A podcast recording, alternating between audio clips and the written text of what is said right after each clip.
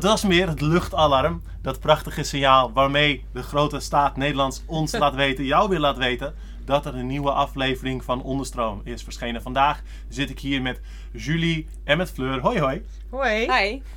En we hebben het over grenzen. Wat er allemaal naar aan is, hoe ze werken, waarom ze kapot moeten. Welkom bij Onderstroom.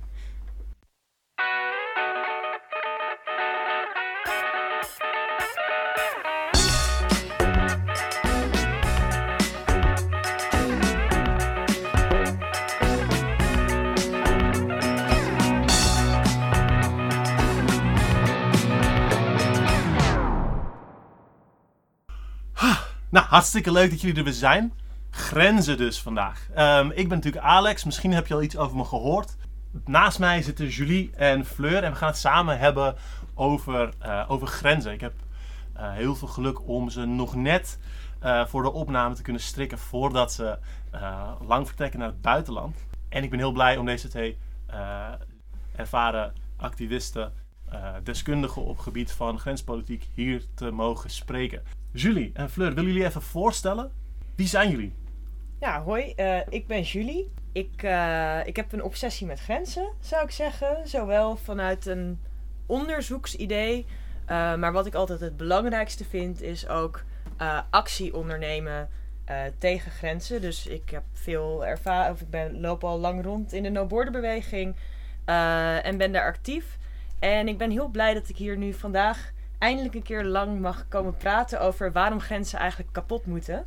Eh, dus dat is heel leuk. Dankjewel voor het uitnodigen. Ja, graag gedaan. Ik ben heel blij dat jullie ook de tijd ervoor maken. Ehm, en ik hoop dat mensen thuis er wat mee kunnen. En jij dan, Fleur? Nou, ik ben Fleur. Eh, ook ik heb een obsessie met grenzen. Ehm, en ook vanuit een onderzoeksperspectief. Ehm, eh, maar ook enerzijds dus gefocust vanuit activisme. Eh, ik vind het heel erg belangrijk om eh, de theorie ehm, en de gedachten die we over grenzen hebben samen te brengen in activisme.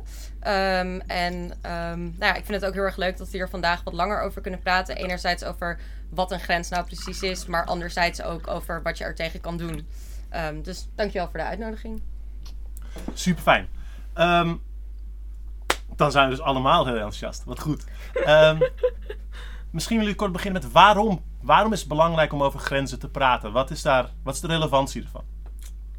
Ja, eh, nou wat voor ons de relevantie is. Kijk, er zijn allemaal acties rondom hoe de EU omgaat met vluchtelingen. Eh, en dat is heel belangrijk dat er solidariteit is. Eh, maar eigenlijk zijn grenzen ook een essentieel onderdeel van onderdrukking. En we vinden het heel belangrijk om een keer langer te praten over wat grenzen nou precies zijn. Eh, en wat voor systemen van onderdrukking ze bijdragen en in stand houden.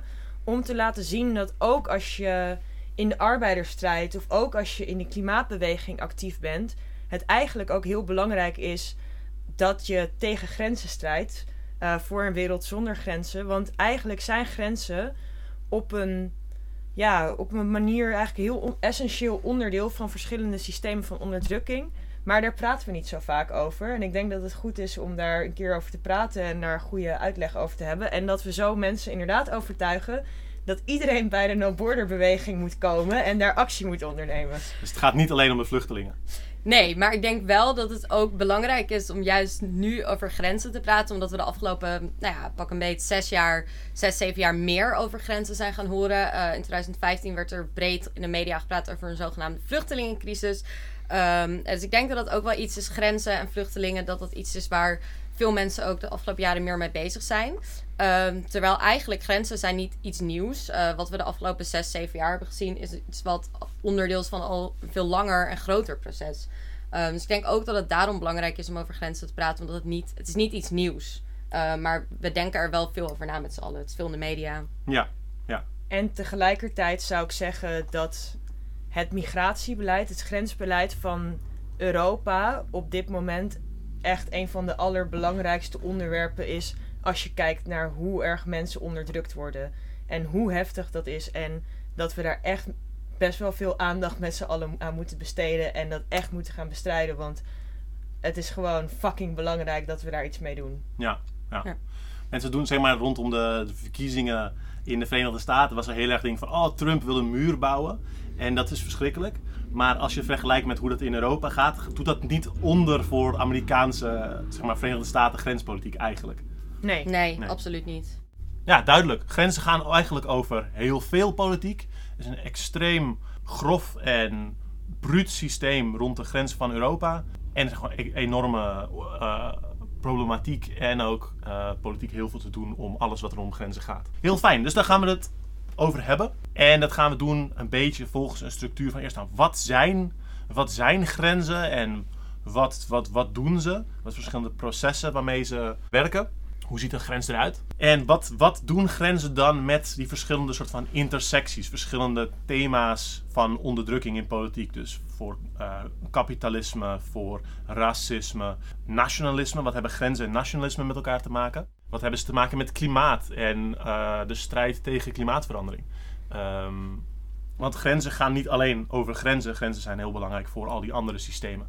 Dan gaan we daarna in op een aantal recente ontwikkelingen in grenzen, specifiek rond Europa.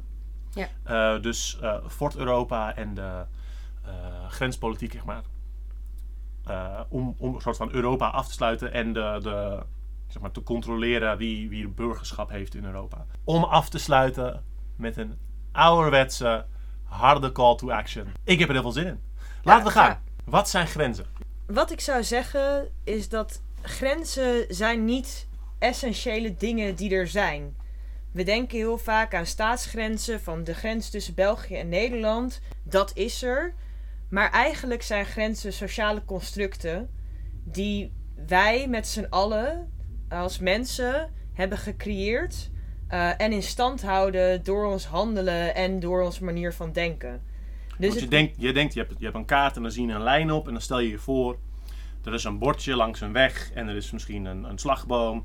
En als, je, als, je, als het heel heftig is, heb je misschien een hek of een soort van gedemilitariseerde zone. Maar dat is niet het enige. Of vaak is het niet eens dat.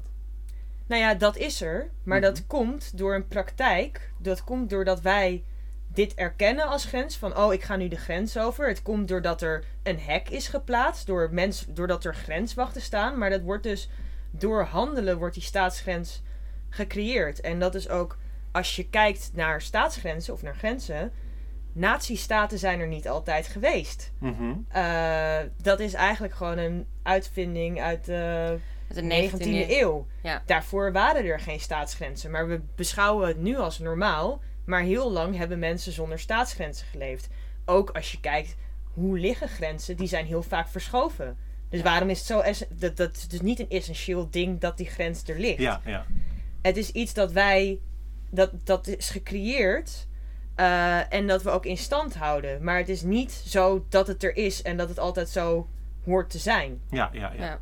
En zoals jij al zei, grenzen bestaan op eh, verschillende manieren. Dus inderdaad, eh, we hebben vaak een idee bij een grens van, oh, dat is dan hè, een hek wat er staat of een grenswacht die er staat. Ehm, dus dat is inderdaad één voorbeeld van een grens. Dat is een soort van ehm, wat wij hebben bedacht dat daar de grens is. Maar grenzen kunnen natuurlijk ook op andere manieren er zijn, doordat eh, bijvoorbeeld, doordat je bepaalde visa, en daar willen we later nog wel op ingaan, maar visa-beleid hebt, wat bijvoorbeeld ook een vorm van een grens is. Dus dat is dan niet op een op een kaart dat je zegt hier is de grens. Maar ook dat is weer een vorm van een grens waarbij je zorgt dat bepaalde mensen buiten worden gesloten. Want je kan grenzen ook zien als een mechanisme om sommige mensen ehm, binnen te laten. Dus zij horen erbij, zij, eh, zij, nou ja, ze horen bij de natiestaat of waarbij dan ook.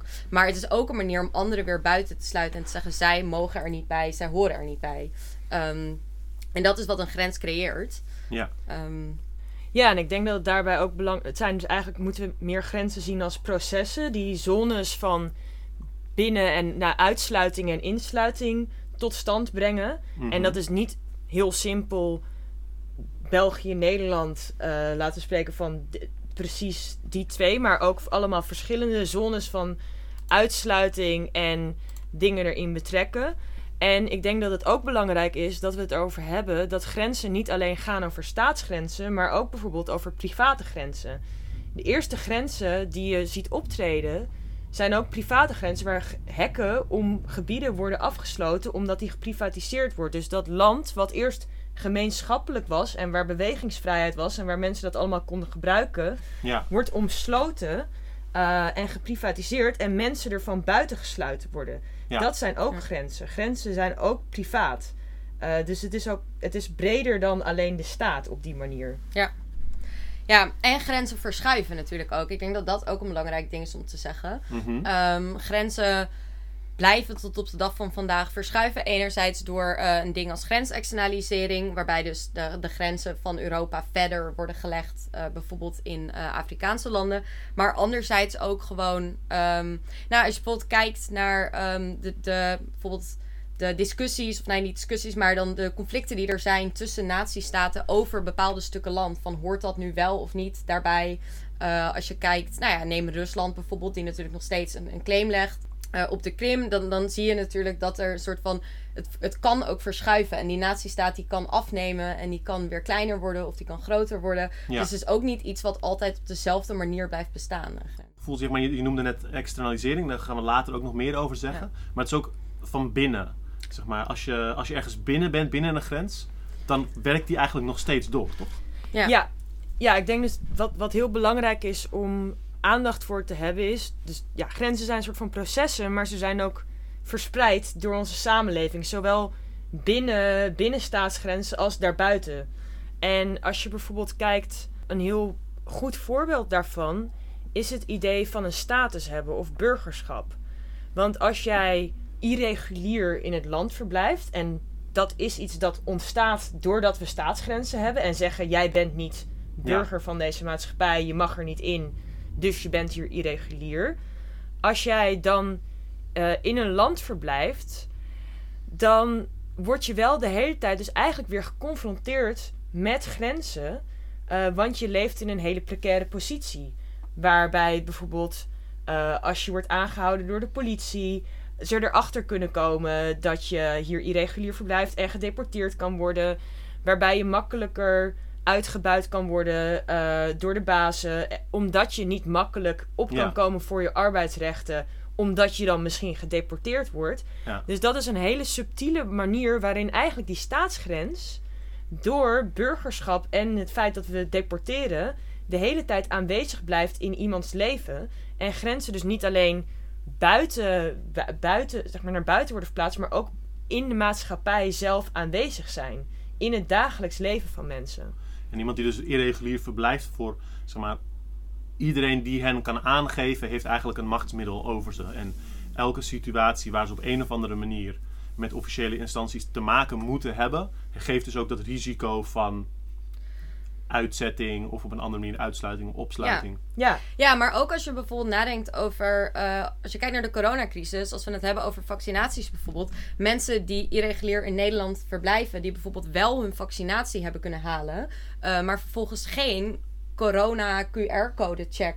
eh, konden krijgen, omdat zij bijvoorbeeld irregulier hier verbleven of ongedocumenteerd waren. En dat, dat zijn ook weer manieren. Kijk, dan loop je misschien niet eh, meteen het risico op uitzetting of deportatie. Maar het is wel weer een manier waarop er voor jou een grens is om niet aan de samenleving deel te kunnen nemen. Eh, je wordt weer buitengesloten omdat jij irregulier hier bent of omdat jij ongedocumenteerd bent. En je, je kan niet meedoen. Ja, ja. en hoe er dus in het land zelf ook van die zones, maar door verschillen in bevolkingsgroepen of zo, zones van in- en exclusie aanwezig zijn binnen het land zelf. Die heel ingewikkeld werken. Want je kan niet zeggen, oh, dit is een zone van inclusie. Weet je, dat is. eh, Ja. Het werkt veel complexer dan alleen die staatsgrens Ja. die we hebben. Ja, ja interessant. Uh, ook dat ding wat je noemde van private grenzen vind ik heel, heel interessant. Omdat ehm, dus in eerdere afleveringen over uh, oorspronkelijke accumulatie uh, noemde ik samen met Elmo hadden we het ook over. uh, dus zeg maar de, uh, inderdaad dat, dat afnemen van land dat traditioneel door uh, een soort van lokale boeren verbouwd werd. En door mensen zeg maar in gemeenschap gebruikt kon worden. En gewoon heel lang daarin stabiel bruikbaar land was. Uh, en dat dat dan zeg maar ommuurd afgepakt wordt voor private grootbezitters. Um, soms, soms denken mensen van nou alleen, alleen, alleen staten zijn daarin slecht en bedrijven horen bij vrijheid of zo. Maar in dit soort dingen zie je dat dat helemaal niet zo is en dat er helemaal niet een heel sterk onderscheid uh, tussen is, tussen dat soort partners. Ja, want het zorgt er precies voor dat dat land en ook mogelijkheden of dat toegang tot grondstoffen of, of dingen dat alleen maar bepaalde mensen daar toegang tot hebben. En dat een heel groot deel ervan buiten wordt gesloten. Ja. Dus wat, wat doen de grenzen allemaal voor? Wat gebeurt er nu rondom grenzen? Ja. Nou, ja, dus enerzijds heb je het huidige Europese migratiebeleid, eh, waarbij het, ehm, en dat, dat begint eigenlijk al op het moment dat er heel erg veel mensen zijn die niet ehm, op een reguliere manier de Europese Unie binnen kunnen komen. Dat betekent dus dat zij via andere wegen, bijvoorbeeld via gevaarlijke routes door de Sahara of over de, over de Middellandse Zee, moeten zij Europa binnen gaan komen. Dat is heel erg moeilijk, want er zijn dus heel veel letterlijke hekken aan de Europese grenzen. Uh, er wordt heftig gepatrouilleerd op uh, de Mediterrane Zee. Um, en um, dat maakt het voor mensen dus heel erg moeilijk om Europa überhaupt binnen te komen. Alleen voordat zij überhaupt bij die Europese buitengrenzen aankomen, zijn er ook al heel erg veel grenzen op de weg daar naartoe. Mm-hmm. En dat zijn dus bijvoorbeeld grenzen die uh, bijvoorbeeld al in Afrika liggen, doordat er in Afrika bijvoorbeeld legers of militia door de Europese Unie getraind worden om migranten tegen te houden.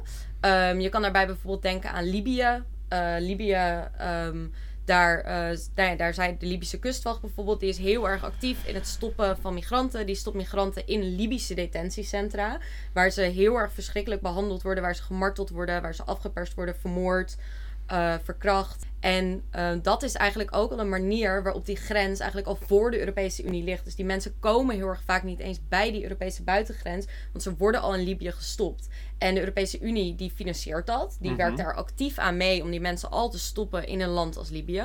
Uh, en Libië is daar niet het enige voorbeeld van. Er zijn nog heel erg veel andere landen waarin dit ook gebeurt. Uh, je ziet het ook bijvoorbeeld in Niger. Um, dat daar ook bijvoorbeeld allerlei projecten al worden opgezet en allerlei uh, dingen in samenwerking met Frontex, het Europese grensagentschap, wordt er veel samengewerkt om mensen daar al te stoppen. Dus dat, dat is dat woord grensexternalisering wat we net gebruikten. Ja. Dat is dat proces van mensen al stoppen voordat ze de Europese buitengrens bereiken. En waar we dus eigenlijk praktisch de, de grens van de EU niet meer bij de externe grens van de EU ligt, maar ook aanwezig is in Marokko, Libië, Niger, Mali, Nigeria. Want daar worden mensen al geconfronteerd met de grens die Europa opwerpt. Ja. Um, Wauw, ja. Ja. ja.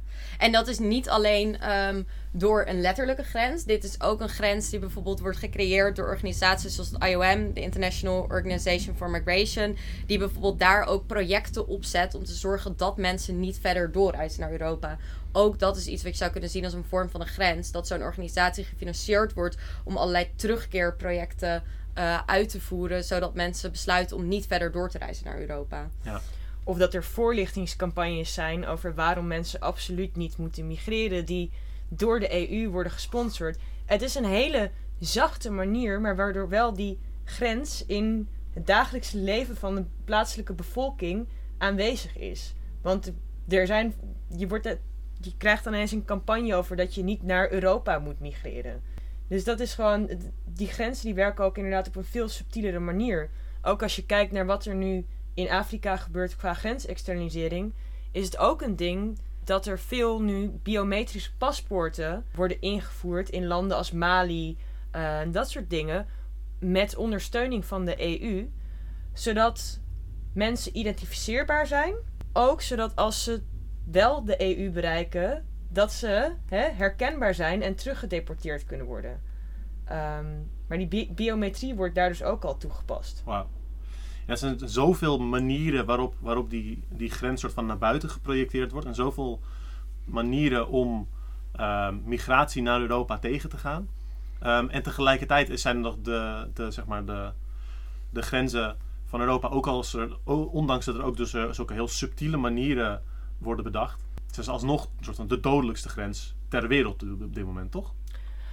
Nou, uh, het is geen wedstrijd, maar. Ja, geloof ik, geloof ik wordt er dus gezegd: hè, de, de, getallen van de Middellandse Zee zijn het hoogst. Maar als we het hebben over grensexternalisering, onderzoekers zeggen dat in de uh, zuidelijke Sahara, in de Sahara waarschijnlijk twee keer zoveel mensen omkomen tegenwoordig uh, als op de Middellandse Zee.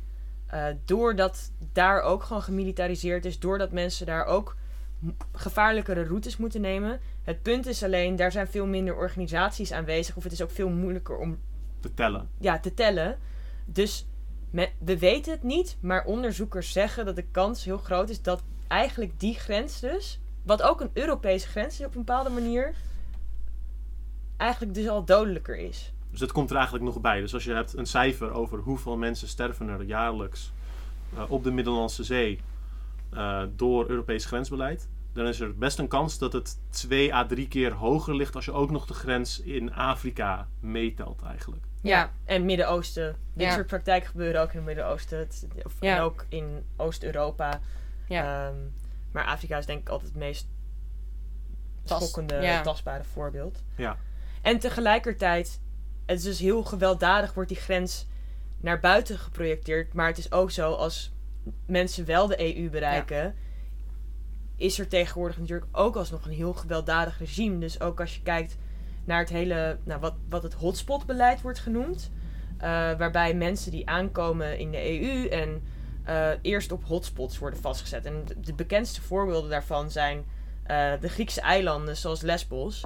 Mhm. Waar mensen niet weg kunnen komen van die eilanden en opgesloten worden in kampen. eh, waarvan we, denk ik, heel veel beelden hebben gezien dat mensen daar in verschrikkelijke omstandigheden leven, gevaarlijke omstandigheden. En dat is ook een escalatie eh, waarbij mensen dus ook, zelfs al hebben ze de EU gehaald, eh, alsnog heel erg te maken krijgen met gewelddadigheid eh, van het Europese grensbeleid. Ja. En daar komt ook nog eens bij, stel je komt uit, eh, uit een van die hotspots en je hebt asiel aangevraagd in bijvoorbeeld een land als Griekenland. Eh, dan heb je eh, wat je noemt een Dublin claim. Eh, en eh, een Dublin claim betekent dat je in dat land moet blijven waar je asiel hebt aangevraagd. Je mag niet in een ander Europees land asiel aanvragen. Na 18 maanden vervalt zo'n Dublin claim. Maar stel je voor, want je bent verplicht om in het eerste Europese land waar je aankomt asiel aan te vragen. Stel je voor, je zit in zo'n asielprocedure in Griekenland. En je besluit door te reizen naar Nederland. Omdat je, ehm, nou ja, omdat je denkt, ik heb daar vrienden of ik heb daar familie of om andere redenen, wat dan ook. Dan kan jij dus geen asiel aanvragen in Nederland. En betekent dat dat je dus nog steeds ook in Nederland in de gevarenzone zit. Want op het moment dat de Nederlandse politie erachter komt dat jij in Nederland bent, zeggen zij: Ja, we zien dat jij een asielaanvraag in Griekenland hebt lopen. En ze deporteren je terug naar Griekenland. Dus dat is ook weer een voorbeeld waardoor zo'n Dublin-claim ook weer binnen Europa een grens creëert voor mensen. Terwijl je dus zou denken: vrij reizen binnen Europa, Ja, want Schengen. ja, dat verschil, zeg maar, dat Europese staatsburgers, wanneer ze binnen zijn, vrij mogen bewegen, zijn ook ha- haken en ogen aan, maar in, in theorie is dat zo. Ja, Ehm, en zeg maar, in, in zekere zin is, is dat zo. Ehm, maar dus voor bijvoorbeeld vluchtelingen eh, of, of mensen die in een, in een asielprocedure zitten, is dat helemaal niet zo. Ja, Eh, Ja. Die zitten gebonden aan één land waar ze zo'n ja, eh, claim hebben. Ja. Een Dublin claim. Ehm, Oké. Even kijken. En ik zit te denken, want ehm, mensen vluchten natuurlijk om allerlei redenen. Of migreren om allerlei redenen.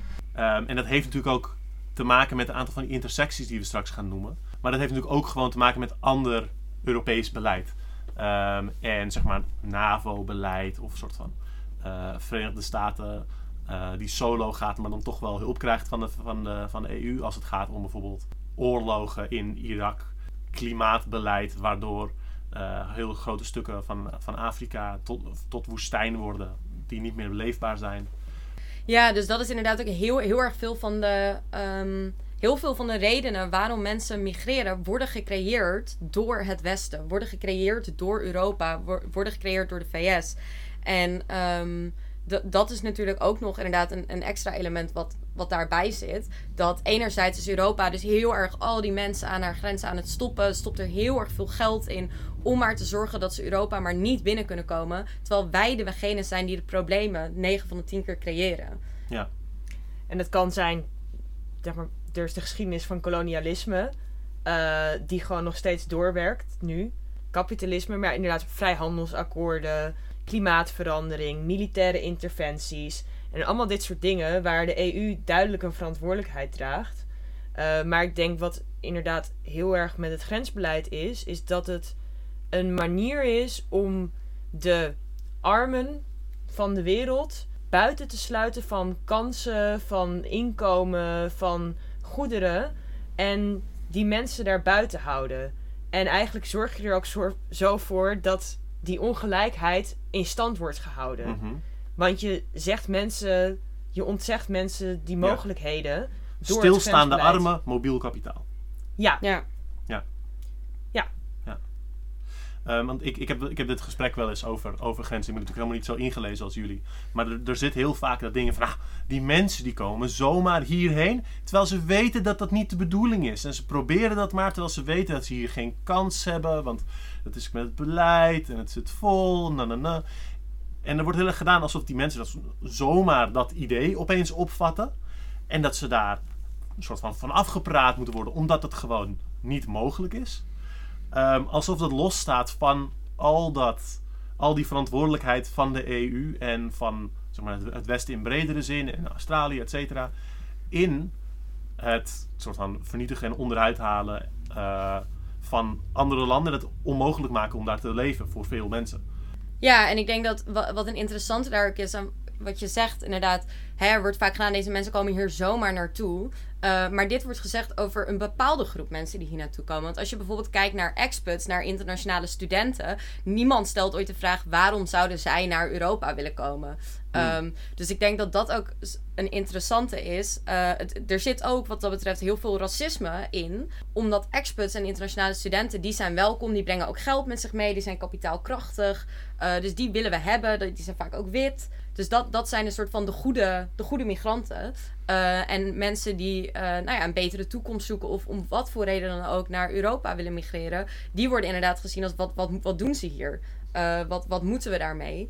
Dus er zit ook gewoon heel erg veel racisme in wie we als migrant beschouwen en wie we als expat of als, um, ja, of als, als welkom. Ja. Iemand die welkom is beschouwen. Ja. Ook wel met het verschil dat, dat je daar zo'n zo'n ander woord voor gebruikt en een compleet ander, ja. uh, ander jargon uh, over hebt. Een soort van, uh, ja. Ja, en daar komt ook natuurlijk bij dat dit, kijk, dit begint al op het moment dat je kijkt naar het visabeleid van de Europese Unie. Uh, het visabeleid van de Europese Unie, dat is namelijk zo dat er een aantal landen zijn die visumvrij zijn. Uh, mensen kunnen uit die landen naar de Europese Unie komen, kunnen uh, nou ja, op vakantie komen of, of wat dan ook.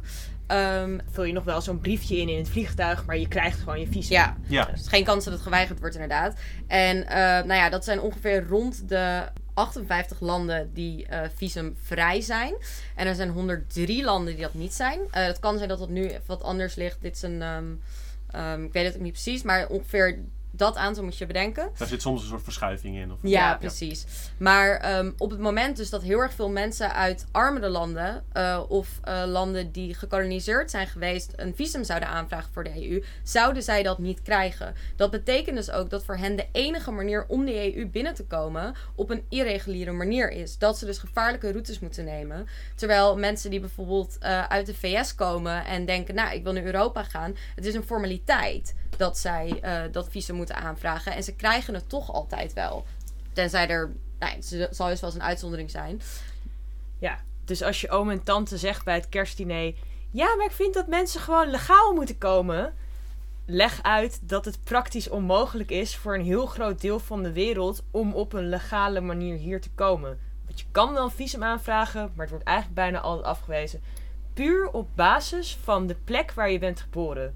Dus er wordt discriminatie uitgeoefend op basis van geboorteplek. Daar kan je geloof ik niks aan doen waar je wordt geboren.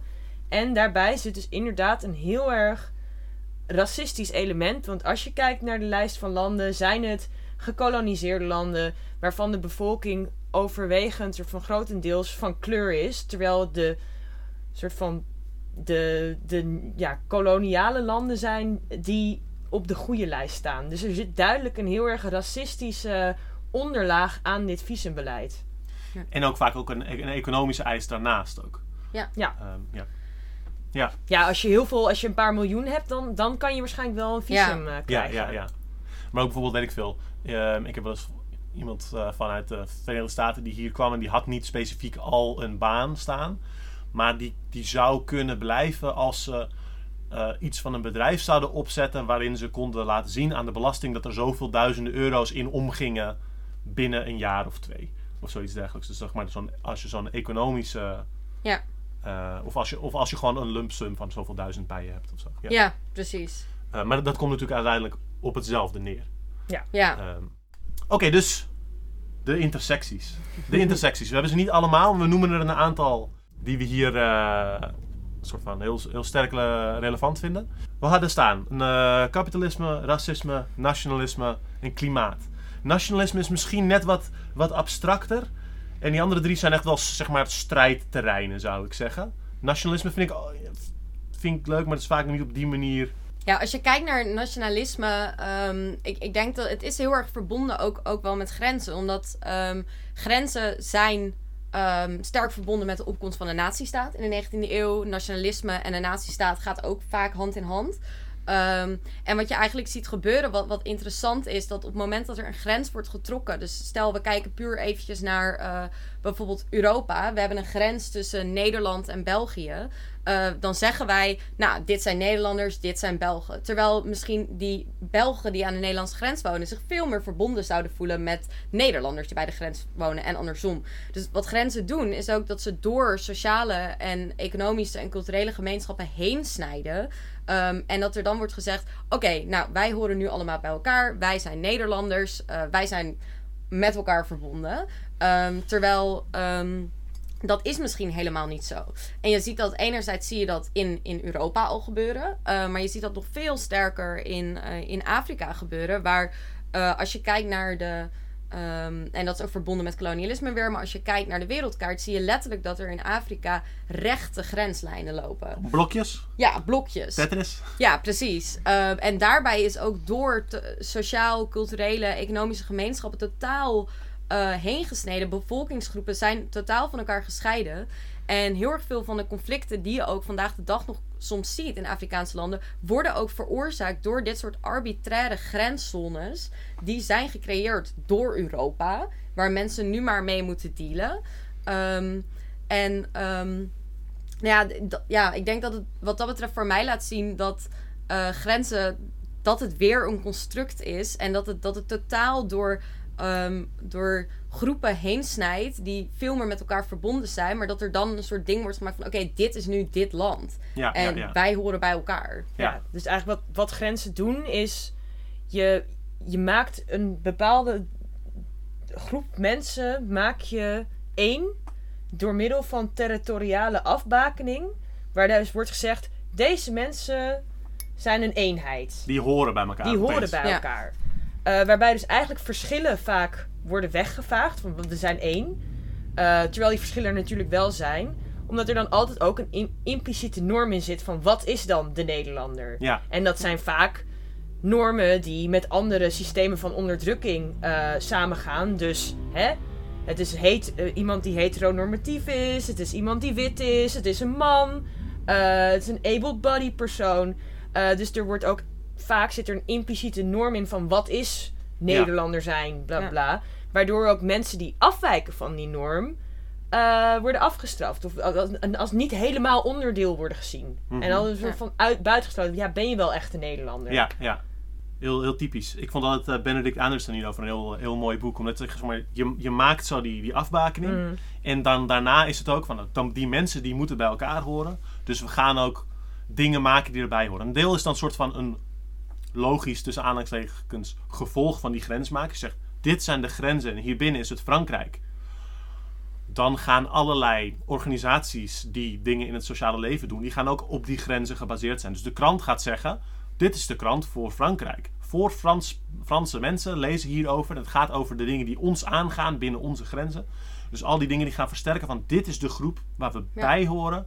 En alles daarbuiten is whatever. Dat ja. gaat ons niets aan, want wij zijn de Fransen. Ja. ja. en tradities. Mm -hmm. Die natuurlijk ook, tradities zijn ook, uh, nou, waar ook wel veel over geschreven is, tradities worden ook gecreëerd. Um, om inderdaad een soort van dat homogene gevoel van bevolking uh, te geven. Dat zie je ook in Nederland, waarbij we een, een, sinds jaar een dag de racistische traditie van Zwarte Piet hebben. Dat is ook iets wat een soort van uh, bedoeld is om dan, ja, die Nederlanders, dat, dat, dat Sinterklaasfeest, dat is dan iets wat ons zogenaamd samen zou moeten brengen. Maar daar zit ook weer een idee in van, voor wie is dat Sinterklaasfeest bedoeld? Dat is bedoeld voor de witte Nederlander. Ja. Um, en mensen die zeggen, hey, dit is een racistische traditie, die worden dan gezien als mensen die er niet bij horen. Ja, ja, ja.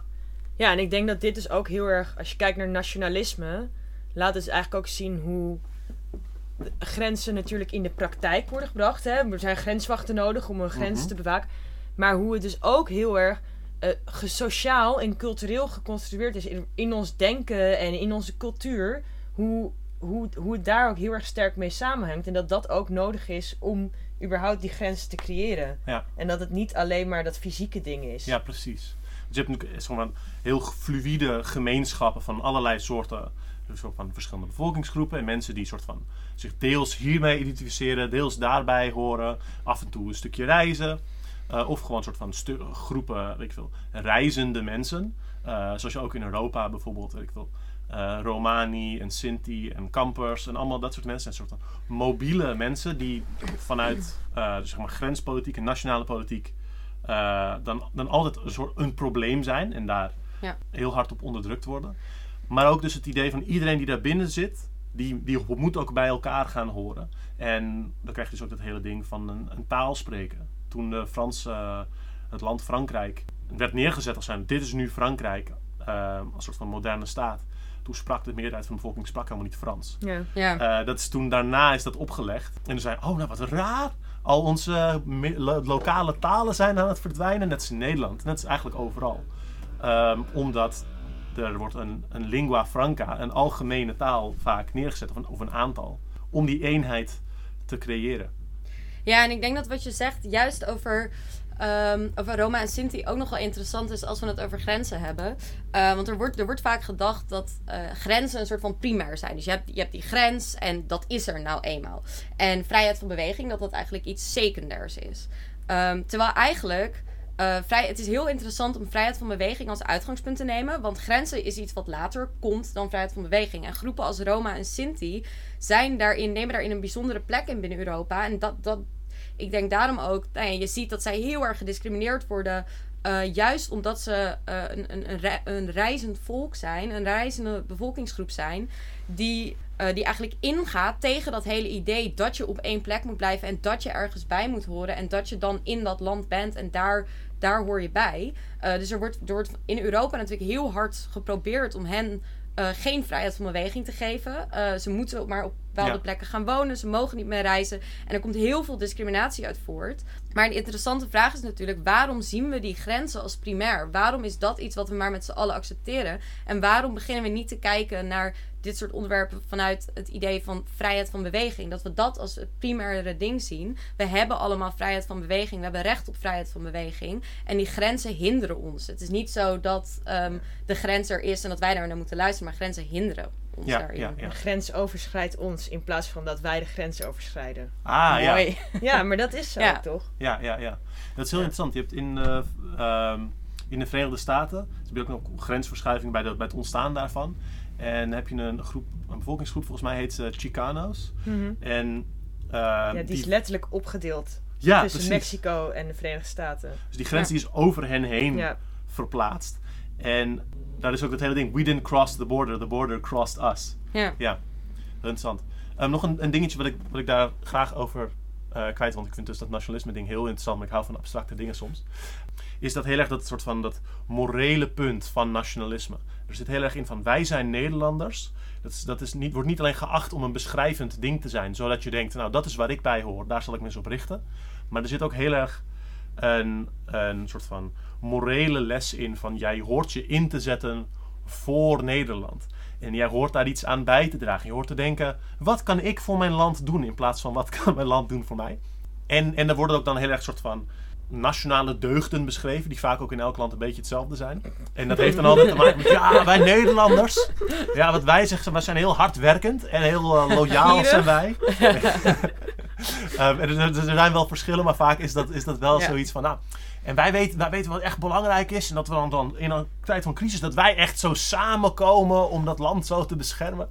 En dat is natuurlijk een heel erg soort van ehm, een idee inprenten van dit hoort bij onze identiteit. Wat eh, de huidige politieke structuur eh, legitimeert en sterker maakt. Als mensen het gevoel hebben, oh, als, ze aan Nederland komen. Maar het is, het is eigenlijk hetzelfde als wanneer je, ehm, wanneer je lokale sportclub opgekocht wordt door een groot bedrijf. Is dat zij, zij pakken wat een soort van lokale binding is van liefde voor de mensen om je heen en je gemeenschap.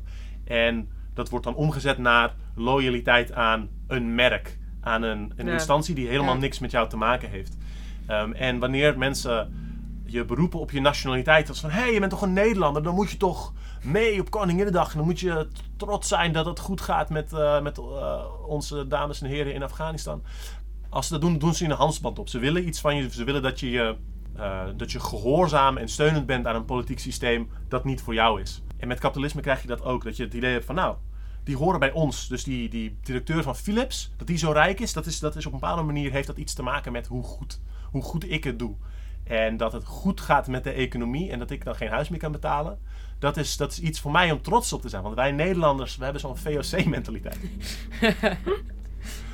Zullen we dan doorgaan naar kapitalisme? Ja, heel graag. Ehm, ik praat hier heel graag over, omdat ik altijd denk: ben je anticapitalist, moet je tegen grens zijn. Dus Oké, leuk. Oké, cool. Ja, Wat hebben die twee met elkaar te maken? Grenzen, kapitalisme. nou, ik denk dat ten eerste hebben hangen de opkomst van kapitalisme en de opkomst van grenzen hangt heel erg samen. Omdat grenzen heel belangrijk zijn voor het kapitalisme. Ehm, dus, nou, hier komt het verhaal. Ehm, als je kijkt eh, naar bijvoorbeeld eh, de opkomst van meer feodale kapitalisme in Engeland. eh, dat begon dus met hè, weer die private grenzen van wat ze de commons noemden. Dus gemeenschappelijk land waar bo- boeren en de gemeenschap van gebruik konden maken. Dat dat afgekaderd en omheind werd en tot privaat bezit werd gemaakt. Mhm. Eh, waardoor die mensen in die gemeenschap niet meer dat land op konden, werden buitengesloten. En, nou ja, hun inkomsten of hun leven verloren. En toen wat er een, interessant ding wat er toen is gebeurd, is dat er toen de, de zogenaamde poor laws zijn ingevoerd. eh, waarbij mensen eh, werd verboden om buiten hun gemeente te reizen. Eh, dus eigenlijk werd werden mensen immobiel gemaakt. Je overtrad de wet als je buiten je gemeente ging. Waarom? Als mensen makkelijk kunnen reizen, dan kunnen ze ook op zoek gaan naar ander werk. Terwijl als mensen immobiel worden gemaakt, dan ga je eerder akkoord met slechte arbeidsomstandigheden. Dan word je veel meer afhankelijk gemaakt van de bazen. Dan word je gewoon veel meer uitbuitbaar gemaakt. Dus dat is een hele interessante geschiedenis van hoe daar dus de eerste controle van mobiliteit zo vanuit de staat kwam. Om inderdaad die, die onderdrukte klasse soort van immobiel te maken. En dus ook met dan de opkomst van de fabriek en zo. Weet Ja. je wel, dat, dat mensen daardoor veel meer vastzitten ook in zo'n systeem. Dat soort van terug, naar, terug eigenlijk naar, naar een soort horige status, zoals je het in de middeleeuwen ook had. Ja, nou, dat is ook in die overgangsperiode is dit natuurlijk een beetje. Maar je wordt inderdaad, je wordt, doordat je op een plek moet blijven, word je gewoon ook veel afhankelijker gemaakt. Ja, Eh, en dat is denk ik, eh, als we dan nu meer naar de hedendaagse politiek kijken, dit is nog steeds een heel belangrijk ding. Het is niet, ik denk dat dit een goed ding is om te zeggen, het is niet in het belang van de kapitalisten of van de staat dat, migratie, dat irreguliere migratie helemaal gestopt wordt. Want het is profijtelijk voor de staat. Dus als je kijkt bijvoorbeeld naar de VS, ja.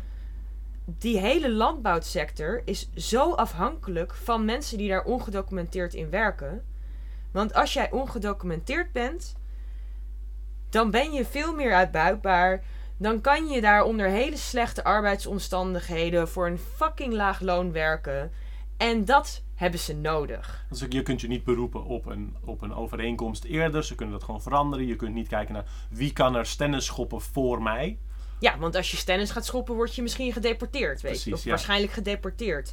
Ja. Eh, dus eigenlijk, er wordt altijd door, door mensen gezegd: oh, we gaan de grens helemaal dichtgooien.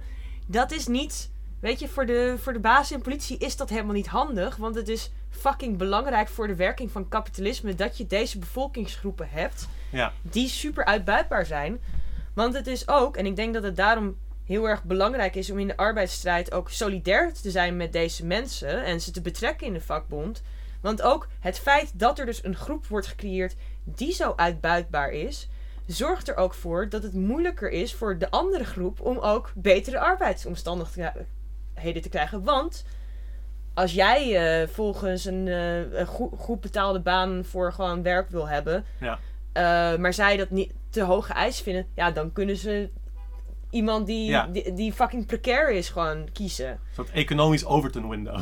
Ja, Dus eigenlijk is de, dat hele idee van hè, de staatsgrens en dat mensen daar, eh, dat hun mobiliteit of hun verblijf hier wordt gecriminaliseerd of geïllegaliseerd. Want het is niet, weet je, het is de staat die zegt het is illegaal dat je hier bent, omdat je deze grens bent overgestoken. Dat hoeft niet zo te Mhm. zijn. En het is daardoor dat je gewoon bevolkingsgroepen creëert die je heel makkelijk kan uitbuiten. Ja, ja. En wat ik dan daarnaast nog zou zeggen. Dus ik denk dat dit, dit is een heel belangrijk argument. Hè, van als je ja, kijkt ja. naar de creëert, je arbeidsstrijd. creëert een soort onder, onderklasse die eh, voor de rest ook, zeg maar, ten eerste die je extra kunt uitbuiten op een manier die bepaalde andere groepen eh, niet zomaar bij kan. Ja. En daarmee verzwak je ook van die, van die eh, soort van minder precaire groepen, verzwak je ook hun positie. ja. Ja. Zeg maar, je moet sowieso al solidair zijn, maar jouw positie wordt er ook door verzwakt. Ja, Eh, zeg maar, dat, hè? En ik denk dan ook als je kijkt op een, op een globaal eh, niveau, is het feit dat we, staats, dat we allemaal natiestaten hebben en staatsgrenzen, zorgt er ook voor, want dit, dit is dus hè, in het land, maar het is ook op een globaal niveau. Het feit dat wij landen hebben met staatsgrenzen, zorgen er ook voor dat er verschillende arbeidszones gecreëerd kunnen worden. Waarin in sommige zones eh, arbeidsrechten, arbeidsomstandigheden, milieuwetten, allemaal dit soort dingen veel lager liggen. Mhm. Eh, dus denk bijvoorbeeld eh, aan Bangladesh, aan, aan, aan- aan de fabrieken, kledingfabrieken die er staan. Waar ook interessant genoeg ook nog een. In, in Bangladesh is er een zone die soort van buiten de staat, die buiten de nationale wetgeving ligt en voor private bedrijven is, waardoor mensen daar al helemaal fucking hard genaaid kunnen worden. Maar het punt is, doordat er die verschillen ontstaan, kan ook hè, een Nederlands bedrijf zeggen: Oh, maar dan gaan we daar gewoon produceren. ja, Want, oh, oh, onze, oh, god, we wisten niet dat het zo erg is. Natuurlijk, het is fucking duidelijk als het zo goedkoop Ja, ja. is. Dan kan je je productie daar doen. Ehm, omdat mensen daar gewoon super hard worden uitgebuit. Ehm, maar dit wordt ook in staat, stand gehouden doordat er al die verschillende natiestaten zijn waar waarin, ja. waarin je niet soort van allemaal de gelijke, dezelfde rechten hebt. Ja, dus in een situatie van ehm, populaties die niet zo mobiel kunnen zijn, die afgesloten zitten in verschillende zeg maar, arbeids- en soort van consumptiezones ook, Ja. ehm, creëer je een situatie waar degene die wel mobiel kan zijn, die verschillen kan uitbuiten. Dus kapitaal en Ja, ja. goederen. Eh, daarmee kun je die verschillen uitbuiten. Dat hele, dat hele trucje van ah, goedkoop inkopen, duur verkopen.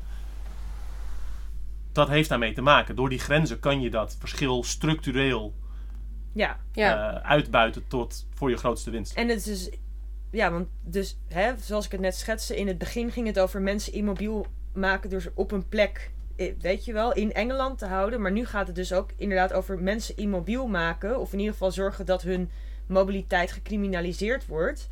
eh, door mensen buiten te sluiten. Of door mensen proberen een soort van buiten te sluiten, maar ook niet helemaal of zo, Ja. weet je wel. Ehm, en ik denk dus, eigenlijk heeft de staat heeft ook een hele essentiële functie eigenlijk in een soort van het controleren van beweging eh, en het beheren van, eh, ja, van territoria en van grondgebied en van grondstoffen. En wie er wel en wie er niet toe. Maar, maar die, de staat heeft daar dus een hele essentiële functie in die controle van beweging, die heel essentieel is voor kapitalisme. Ja. Ja. Want het, het, het idee zeg maar, van, van arbeidsstrijd is van eh, je zorgt dat je, zeg maar, als, je, als het heel radicaal is, dat je gewoon je eigen voorwaarden maakt, dat je eh, dingen in eigen beheer hebt en je hebt geen bazen, et cetera meer. Maar in zeg maar direct nu bepaalde winst behalen, is het, je wil tot een situatie waar je samen andere voorwaarden kunt stellen en waar je een slechte deal niet hoeft te accepteren. Ja. En Ja. dat ding met die grenspolitiek is dus de precies zorgen dat mensen een slechte deal niet kunnen weigeren. Ja, want ik denk Als ik dat dat goed versta. Ja, want ik denk dat het echt wel, hoe contradictoir dat ook klinkt, heel belangrijk is om te benadrukken. Het is niet in het voordeel van kapitalisme om de grenzen totaal te sluiten. En dat is wel wat je natuurlijk vaak hoort. De grenzen moeten dicht, zus en zo. Maar het is niet in het voordeel van kapitalisme om die grenzen een soort van totaal ondoorlaatbaar te hebben. Want kapitalisme heeft het nodig dat mensen irregulier die grens oversteken. Dus ja, het is goed voor kapitalisme als de grenzen op een uh, reguliere manier worden dichtgegooid. Maar ze hebben die irreguliere migranten ook nodig. Ook al wordt er zo hard door politici en bedrijven geschreeuwd dat we dat niet nodig hebben. Het is nodig om kapitalisme te kunnen laten voortbestaan. Dus wat eigenlijk, wat eigenlijk het om gaat is een, een soort hypocriete dubbelsituatie ja, te hebben met een precaire groep die je creëert, Je creëert uh, verschillen in, in de populatie of je creëert hiërarchieën en verschillen. En dat is een best wel essentiële functie van grenzen is die, die verschillen creëren en in stand houden. Ja. ja. En op die manier draagt het ook bij aan de voortzetting van kapitalisme. Van wat ik ook nog wilde zeggen, van wat heel interessant is, is dat bijvoorbeeld paspoorten en allemaal dat soort wetgeving in de VS is pas ingevoerd na de afschaffing van slavernij. Ha. Want toen was er een hele grote bevolkingsgroep ineens die niet meer nou, tot slaaf gemaakt was. En letterlijk, nou ja, hè, gratis arbeid of zo. Of, dit is pas na de afschaffing van slavernij dat er paspoorten en zo daar zijn ingevoerd. En dat is best wel een, interessant, dat, dat is best wel een interessante opeenvolging. Ja. En het is bijvoorbeeld ook zo nog geweest met de afschaffing van de slavernij in de VS.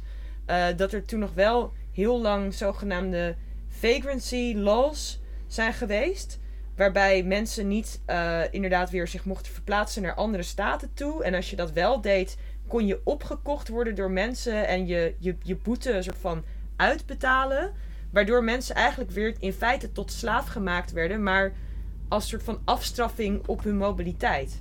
En dat, dat is niet alleen zo in de VS geweest. Ook in veel Europese landen is dat geweest. In Nederland heb je ook wetten rondom landloperij gehad. Absoluut, ja. Uh, inderdaad, waarbij het ook werd gecriminaliseerd om uh, je vrij te bewegen tussen uh, bepaalde plekken, bepaalde steden ja. door.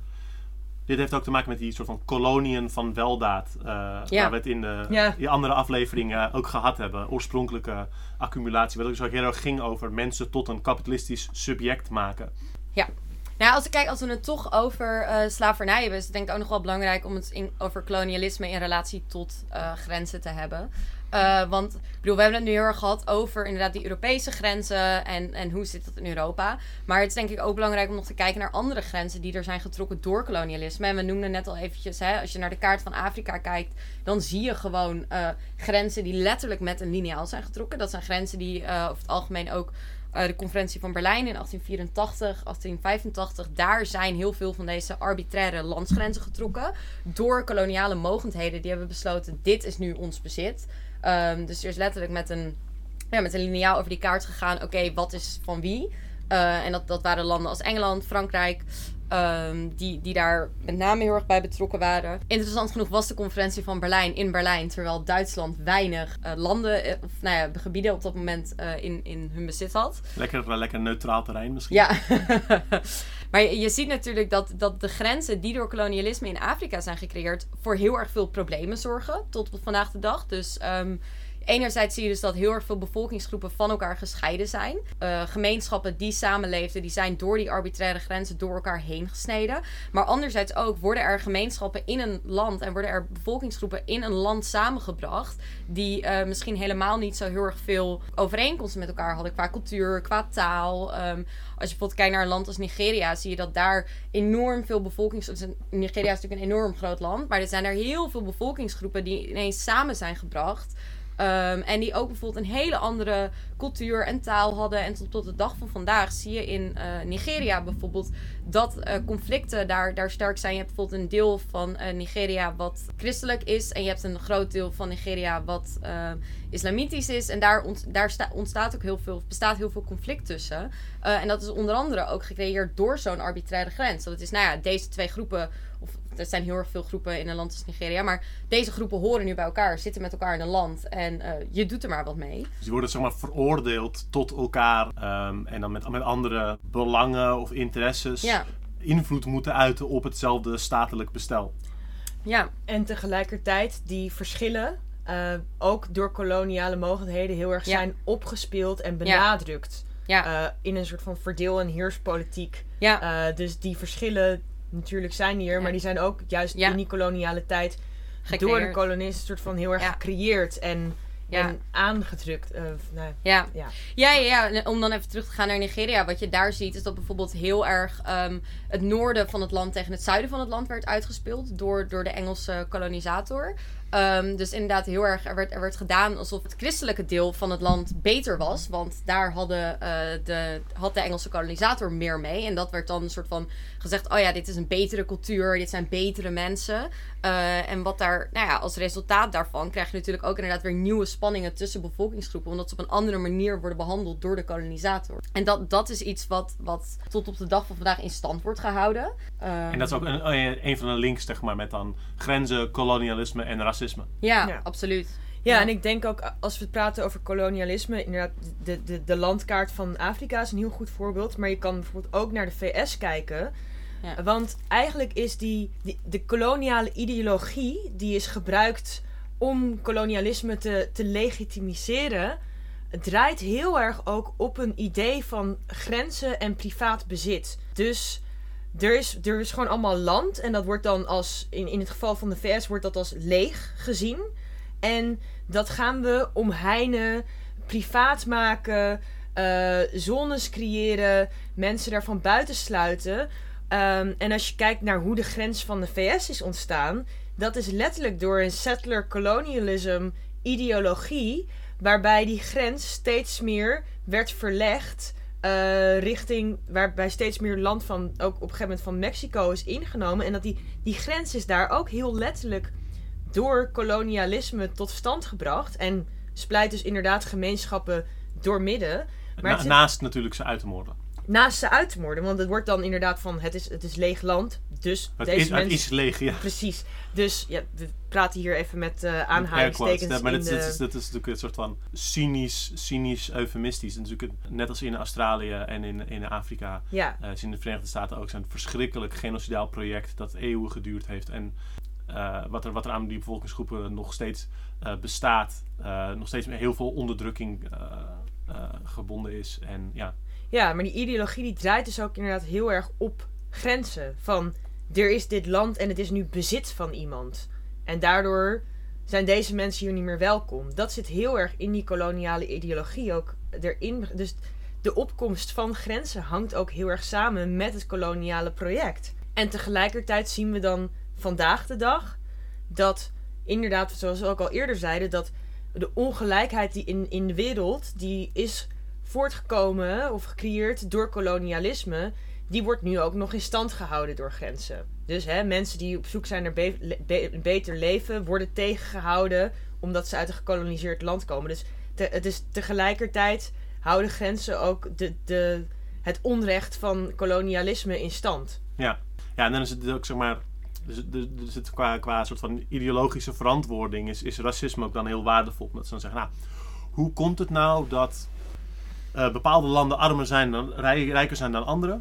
Eh, en er zit heel vaak zo'n soort van biologisch, soort van intelligentie-argument bij. Dus een soort van racistisch individualisme. Een soort van, deze personen zijn als persoon gewoon slimmer, dus daar gaat het mee. Zo'n zo'n soort idee. En er zit dan vaak een, een, een ideologie in dat eh, witte mensen, mensen met een Europese afkomst, dat die dan de slimmere zijn en dat dat een soort neutraal ding van de natuur is, dat het daar dan beter mee gaat. Terwijl je inderdaad, je hebt, hebt deze hele, hele geschiedenis die jullie net beschreven, die dat eh, veroorzaakt en die ook nog doorgaat. Dat er nog steeds eh, zeg maar, de gewapende macht van het Westen in het Westen gehuisveste bedrijven kracht bijzet wanneer zij een wurgcontract aan allerlei eh, landen opgeven, op, opleggen, om goedkoop bij de grondstoffen te komen, zodat ze daar goedkoop kunnen inkopen en bij ons duur kunnen verkopen voor maximale winst. Ja, Ja, want dat, En dat is, dat is, ik weet niet wat jij wil zeggen, maar wat ook heel interessant is, is dat als we, we hebben het gehad over grensexternalisering.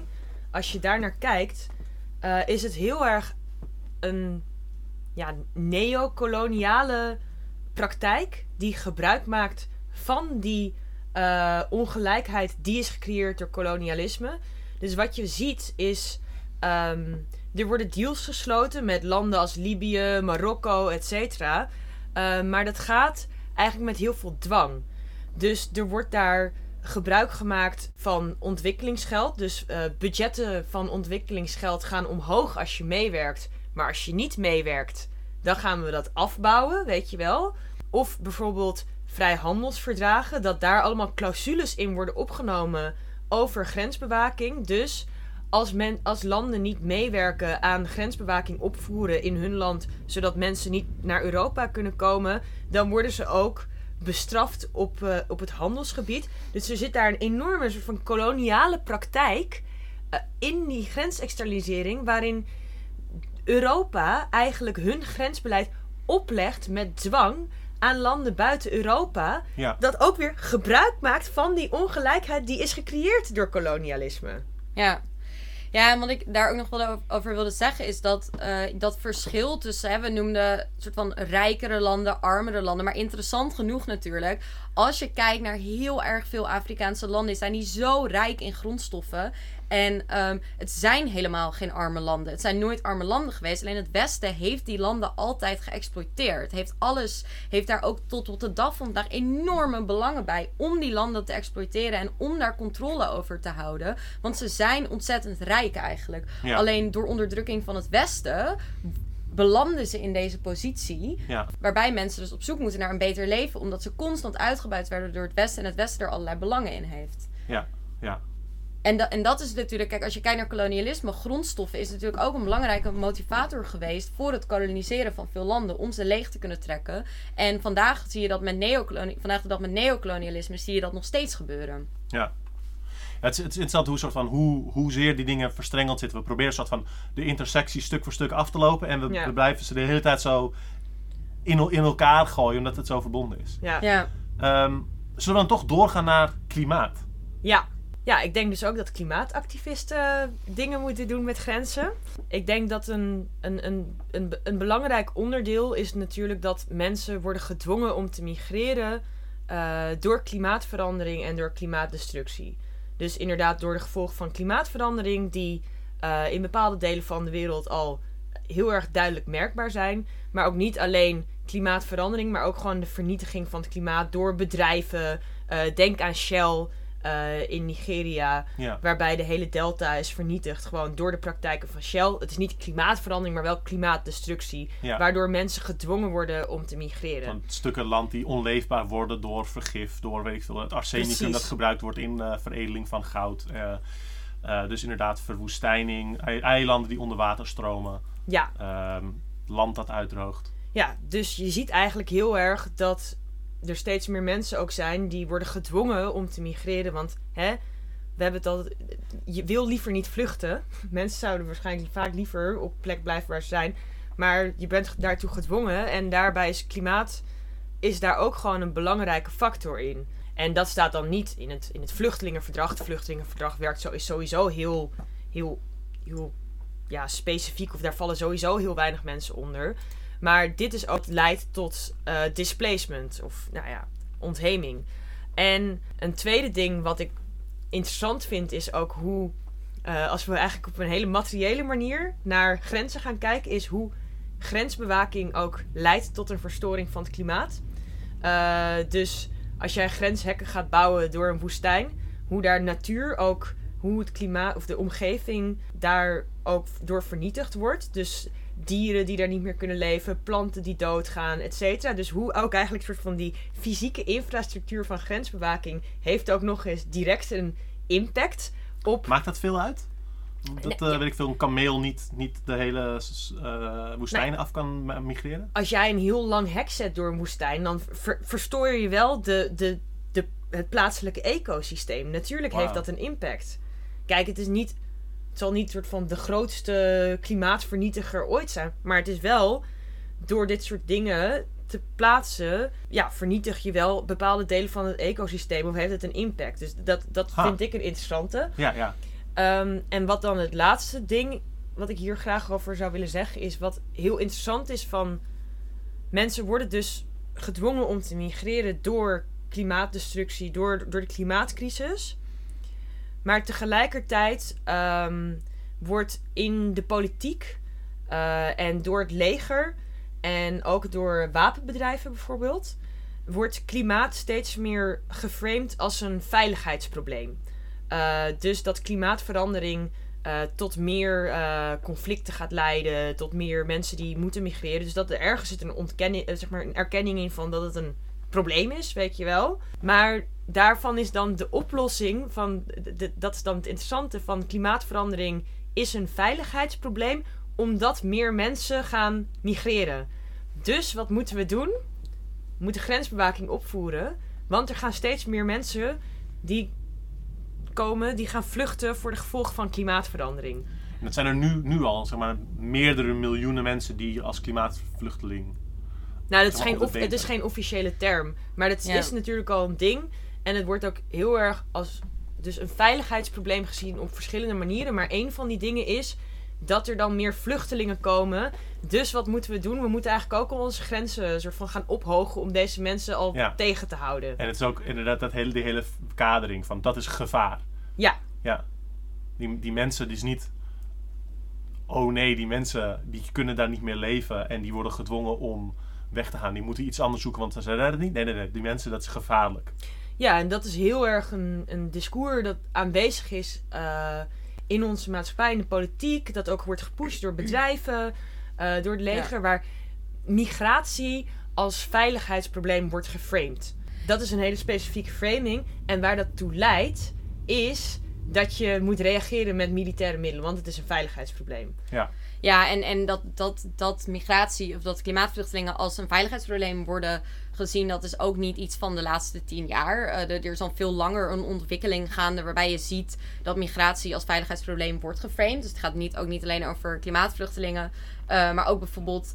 eh, nou ja, als, als we het weer even naar de VS trekken, je ziet het ook bijvoorbeeld bij Trump, die Mexicaanse migranten beschrijft als, ehm, als potentieel gevaar. Als, ehm, ik weet niet, even niet meer precies welke woorden hij daarvoor gebruikte. Maar dat, dat, dat is ook onderdeel van dat idee van de migrant is een bedreiging voor ons, voor het Westen. Ja. Ehm, we moeten zorgen inderdaad dat we daar, dat we daar toch maar niet mee te maken hebben. Want, ehm, het, en daar komt weer dat idee van inclusie en exclusie bij kijken. Wij, wij zijn hier en wij horen erbij als witte mensen, als witte westerse rijke mensen. Maar iedereen die dat niet is, is een bedreiging voor ons. Ja, en het zijn dat- niet in- alleen... heb je in- op Nederlandse of, zo van, of Europese basis natuurlijk ook genoeg precedent voor. Dat, zeg maar, dat Ja. voorbeeld van Trump is heel recent heel bekend. Maar al die mensen van, weet ik veel, Pegida, et cetera. Al die mensen die praten over islamisering of Ja. over dingen van dit zijn onze normen en waarden. En die andere mensen passen daar niet bij, et cetera, et cetera. Ja, en dat is natuurlijk iets wat fascisten heel duidelijk doen. Maar niet alleen fascisten. Dit doet CDA, VVD, D66. Die doen dat ook allemaal. Want Ja. dit staat ook gewoon de hele tijd in allemaal beleidsstukken. Zeg maar, dit is een soort van bepaald soort denken dat echt niet alleen maar tot een hele heftige soort van omvolkingstheorie leidt.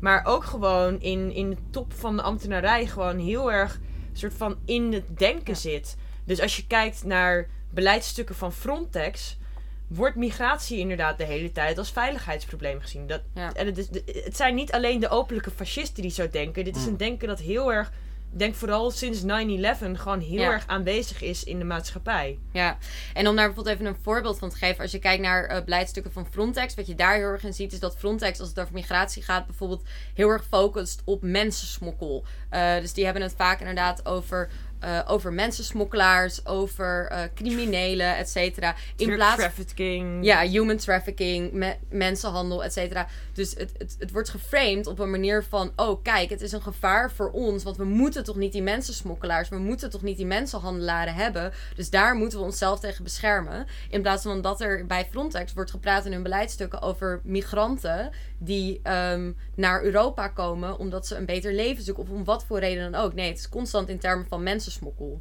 Ja. Ja, en het, de, de rapporten heten überhaupt al risicoanalyses. Ja, Ja. dat ja, is al. da- alleen die titel al geeft Ja. meteen. We gaan naar de risico's kijken. Ja. Er Ja. zijn allemaal gevaren die, die Ja. er zijn. Ja. En, en dat, zeg maar, het gaat natuurlijk ook voorbij aan dat hele punt van mensensmokkel. Dat kan omdat mensen niet gewoon kunnen reizen. Juist. Precies. Ja. Mensensmokkel, mensen die worden uitgebuit in mensensmokkel. Lijkt me fantastisch als dat niet meer bestaat. Maar de enige oplossing daarvoor is als je mensen reguliere manieren geeft om hier naartoe te komen. Ja. Ja. En zolang, zolang je dat niet doet, dan ben je eigenlijk mensensmokkel aan het stimuleren. Ja. Ja, en er zit natuurlijk op een bepaalde manier een gedachte achter. Want dat, dat is ook nog wel een belangrijk punt. Er zit die, dat idee achter van ja, maar ja, die, hè, als, als we mensen reguliere manieren geven om te komen, nou dan, dan, dan zal het wel helemaal uit de hand lopen.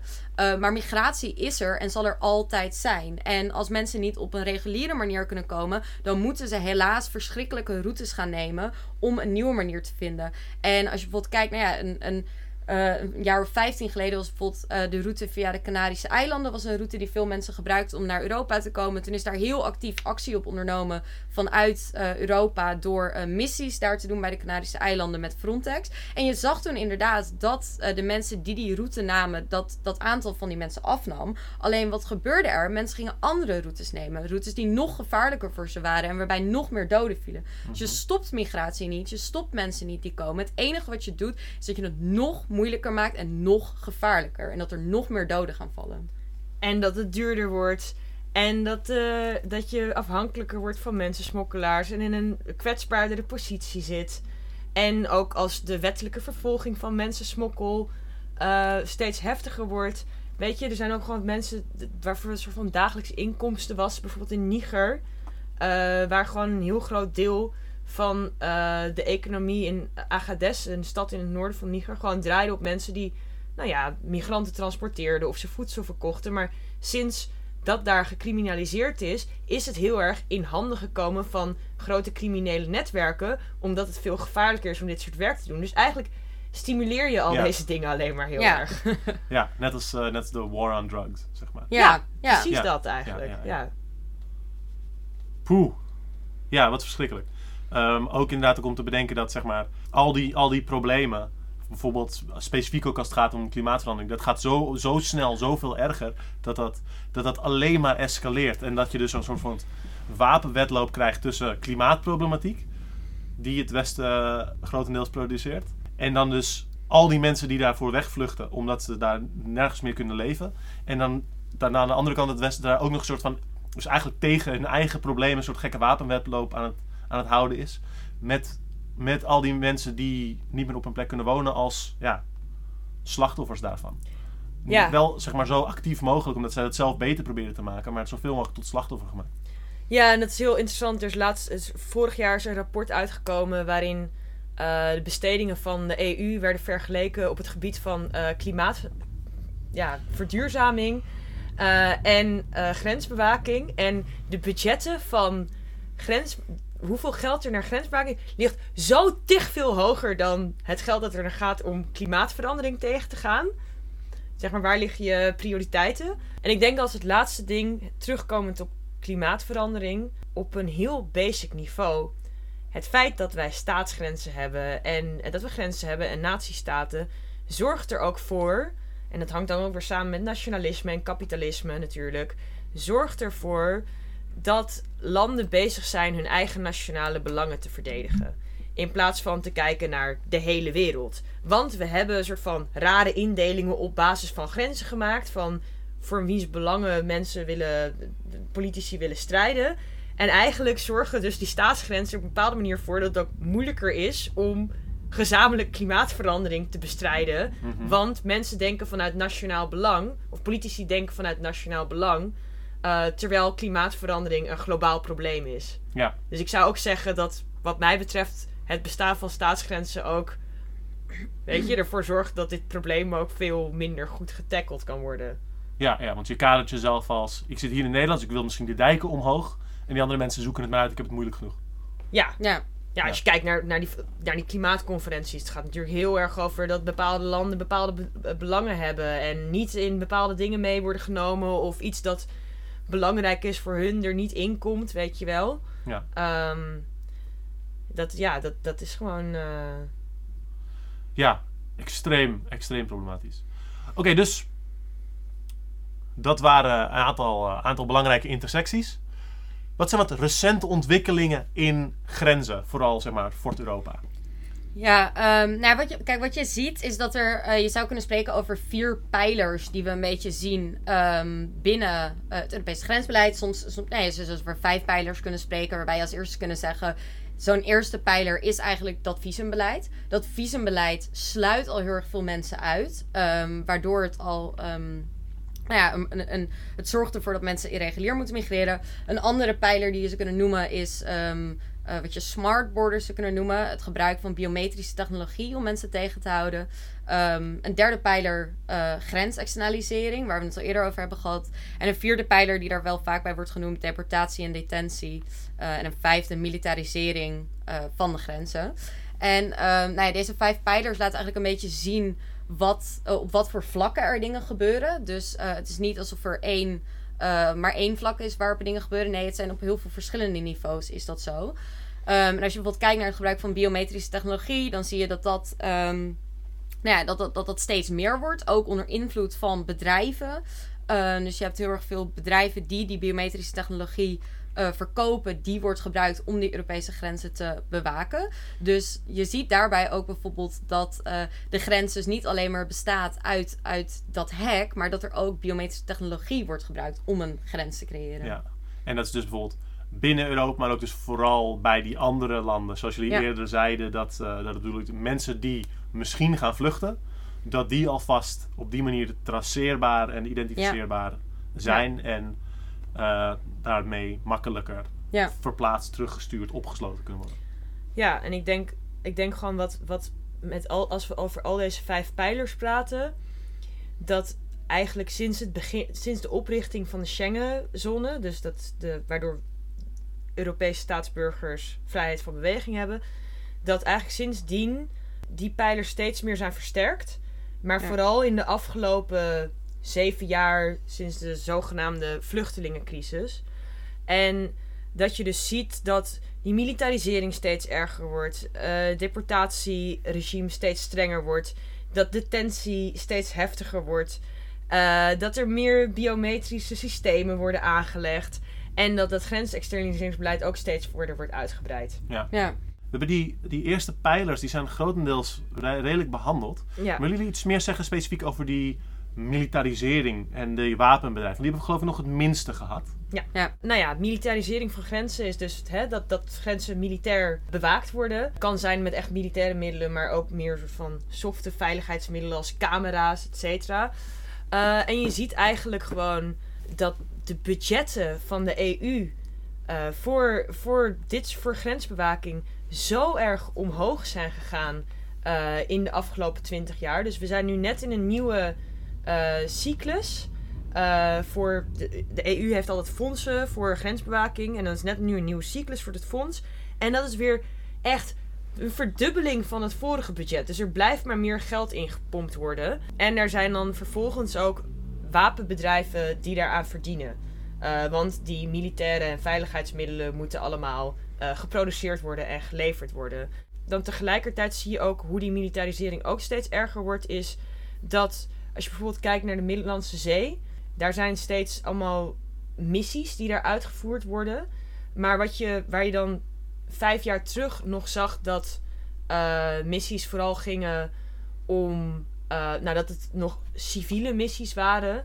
En dat het nog meer ging om controle. Mm-hmm. Wat natuurlijk ook hè, tot, tot geweld leidt. Want als er meer controle is, moet je gevaarlijke routes nemen. Dus dat is niet onschuldig. Ja. Maar dat het meer nog om controle en het zoeken van mensen ging en ook redden, is dat dat steeds erger is geworden, waar nu er ook militaire missies op zee zijn, waarbij de marine dus echt betrokken is in die missies en waarbij ook het redden van mensen niet meer in het mandaat zit. Dus je ziet daar bijvoorbeeld op de Middellandse Zee, zie je heel erg in een best wel korte periode hoe het steeds verder is gemilitariseerd in, in focus en ook in benadering gewoon. Ha. Ja, maar ook, ook als je kijkt naar uh, Frontex, dat Europese kustbewaking of uh, uh, grensbewakingagentschap. daarin zie je ook hoe dat sinds de oprichting van Frontex, nou ja, ongeveer 15, 16 jaar geleden, extreem is, is veranderd. Want Frontex was eerst bedoeld als een agentschap wat een coördinerende rol zou hebben ja, in de bewaking van de grenzen van natiestaten. Maar Frontex heeft de afgelopen jaren veel en veel meer macht gekregen, is ook zelf steeds verder gemilitariseerd. En wat je nu ziet gebeuren is dat Frontex is eigenlijk het eerste Europese leger aan het bouwen. Um, Frontex heeft namelijk uh, heel erg lang heeft Frontex niet um, de mogelijkheid gehad om zelf ehm, officers of eh, officieren, eh, agenten aan te nemen. En in 2016 is het mandaat van Frontex uitgebreid. Dat mandaat is overigens uitgebreid nadat er heel erg veel druk vanuit de wapenindustrie is gekomen. De wapenindustrie heeft in 2010 al een voorstel gedaan om het mandaat van Frontex uit te breiden. In 2015 is dat voor de Europese Commissie gekomen en heeft de Europese Commissie gezegd: Nou, fantastisch. Dat plan wat voor de Europese Commissie is gekomen is bijna letterlijk hetzelfde plan als in 2010, wat toen is gepresenteerd door de wapenindustrie. En in 2016 is toen dat mandaat uitgebreid van Frontex. Een onderdeel van de uitbreiding van dat mandaat van Frontex was dat zij nu dus ook hun eigen um, uh, ja, agenten, bewakers aan mochten nemen. Uh, en dat ze dus niet langer afhankelijk waren van het poelen van uh, die border guards uit lidstaten. maar dat ze dat nu zelf konden gaan doen. En ja? een andere uitbreiding van het mandaat was dat Frontex toen ook zelf materiaal mocht gaan kopen. Want daarvoor was Frontex ook afhankelijk van grensbewakingsmateriaal dat Europese lidstaten aan Frontex beschikbaar stelden. En in die mandaatverandering is er ook gezegd: nu mag Frontex eigen materiaal kopen. Maar het ging eigenlijk meer van een soort coördinerend soort van situatie naar iets dat gewoon zelf ja. ja.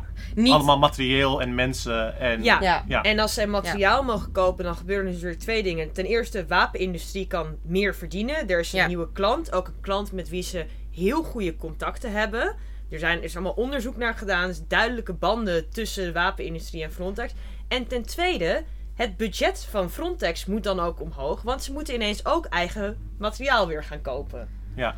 Ja, precies. En ja, en recent, nou, om nog even terug te komen op die, op die, uh, op die Frontex-agenten. Dat, dat uh, recentelijk hebben zij dus ook um, toestemming gekregen om wapens te gaan dragen. Uh, wat dus nog meer bijdraagt aan, um, aan die militarisering van de Europese grenzen. Er is een contract gesloten met een bedrijf waarmee die wapens aangekocht gaan worden. Dus we hebben over een aantal jaar hebben we Frontex-agenten rondlopen die uh, bewapend zijn en die bewapend de Europese grenzen bewaken. Ja, en de reglementen waarop dit is gebaseerd zijn heel shady. Het is best wel interpretabel of daar inderdaad uit blijkt. Eigenlijk staat in het reglement dat ze wapens mogen aankopen. Ja. Maar er staat nog niet in dat je het mag gebruiken. Maar dat is het punt. Frontex praat dan al iets van vijf jaar met wapenbedrijven over de aankoop van wapens. En dan ontstuur, natuurlijk ontstaat er dan ook druk naar de EU toe dat op een gegeven moment wordt toegelaten dat Frontex die wapens mag gebruiken. Want waarom ga je wapens kopen? Waarom ga je Weet je, heel raar, onpraktisch argument. Dat je zegt, ah, we hebben toch al die wapens. Ja, maar dan mogen we ze niet gebruiken. Waar, hebben, waar hebben ze dat voor? Je hebt hier al voor toestemming ja. gegeven. Maar zo is Frontex dus zelf ook een aandrijver in soort van het uitbreiden van die militaire macht. Of, of die militarisering van grenzen. Want ja, natuurlijk, als jij als jij drones gaat kopen terwijl die nog niet voor grensbewaking gebruikt worden, gaan drones op een gegeven moment gebruikt mogen worden voor grensbewaking. Natuurlijk is dat ook zo met wapens. Dat als je dat mag kopen, maar nog niet echt mag gebruiken, is allemaal nog een beetje vaag. Natuurlijk gaat dat dan gebeuren. Ja, ja, ja. ja. ja en die wapenbedrijven die profiteren daar natuurlijk enorm van. Want uh, ik denk dat het ook wel belangrijk is om aan te geven dat die wapenbedrijven hier actief voor lobbyen. Um, dus er zijn ook lobbyisten in dienst en er zijn bijeenkomsten. Um, jij refereerde er net al aan, maar in 2020 zijn bijvoorbeeld de wat Frontex-files wordt genoemd. Er zijn heel erg veel onder de uh, zijn er documenten en bestanden opgevraagd onder de Freedom of Information Act van de Europese Unie. En wat ziet, Frontex die zei altijd: oh nee, wij vergaderen niet met wapenbedrijven, wij zijn daar helemaal niet mee bezig. En wat zie je toen die Frontex-files uitkwamen? Dat zij dat dus al jaren aan het doen zijn, dat ze al jaren gesprekken hebben. En dan zie je zwart op wit staan dat ze die bijeenkomst hebben gehad. Dus die wapenindustrie is hier ook heel actief mee bezig om te zorgen inderdaad dat Frontex dat doet. En de wapenindustrie profiteert hier natuurlijk enorm van. Want het is ook wel belangrijk dat uh, de wapenindustrie ook geld krijgt om onderzoek te doen vanuit de Europese Unie naar nieuwe veiligheidstechnologieën voor grensbewaking. Dus de wapenindustrie die profiteert enorm. Eerst krijgen ze geld. Dat geld dat gebruiken ze om onderzoek te doen naar, nou ja, naar nieuwe technologie of naar nieuwe wapens, et cetera. Uh, dat gebruikt kan worden in grensbewaking. Vervolgens kunnen ze dat gaan aanbieden aan de Europese Unie. De Europese Unie koopt dat aan en dan, dan is dat cirkeltje weer rond. Ja, ja. En hier zie je dus ook hè, nog een link met kapitalisme. Er zitten ook enorme kapitalistische belangen van die wapenbedrijven bijvoorbeeld achter het in stand houden en versterken van grenzen. Ja. ja. Dus niet alleen zeg maar in in brede zin, als je even zeg maar kapitalisme als één ding rekent, is zeg maar je wil dat verschil uitbuiten. Zowel binnen landsgrenzen als tussen, tussen landen of blokkenlanden, maar ook de handhaving en soort van oplegging van die grenzen zelf is ook een, een heel grote groeiende markt eigenlijk. Ja, Ja. dat is echt booming business. eh. Ja, Wat verschrikkelijk allemaal. Wat verschrikkelijk allemaal. Ik snap heel erg dat jullie er enorm eh, mee bezig zijn. Ehm, holy shit, er is, zo, er is zoveel te doen. Ehm, maar dit, dit zouden echt zijn nog echt veel langer kunnen praten.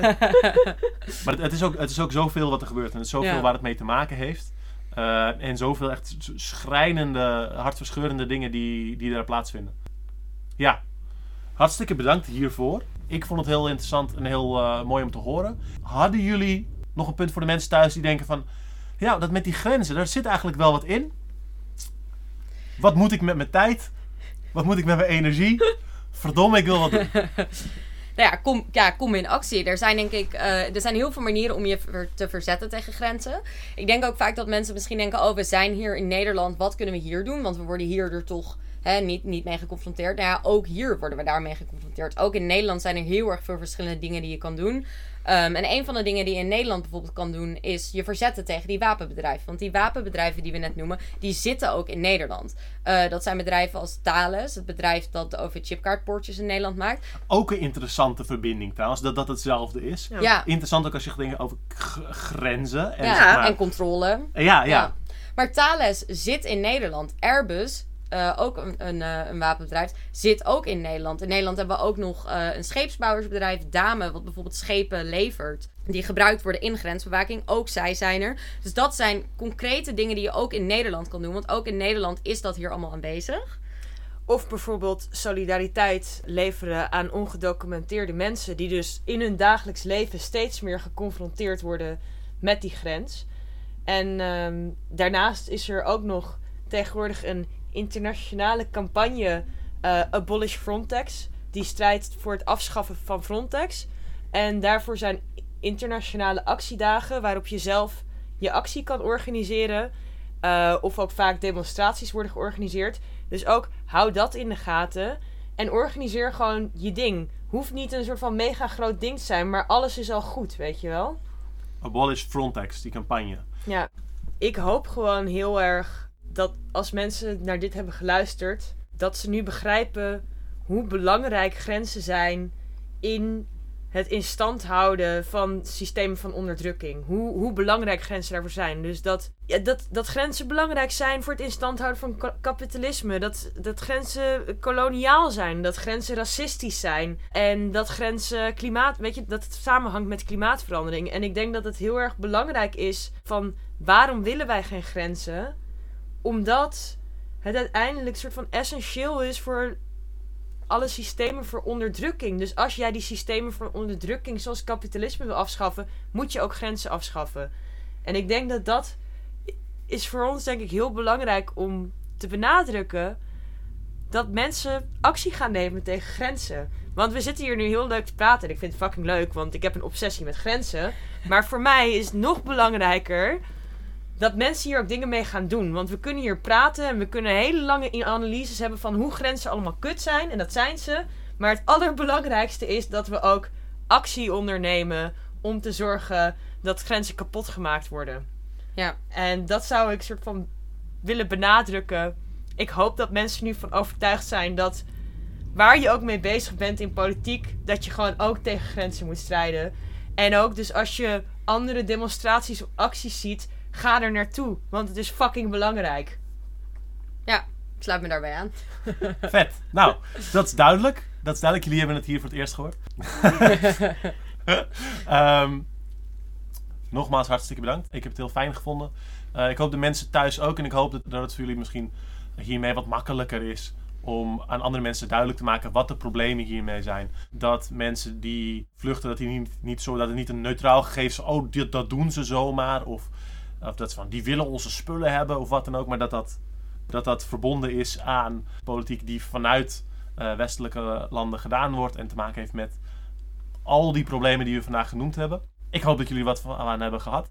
En heel graag tot de volgende keer.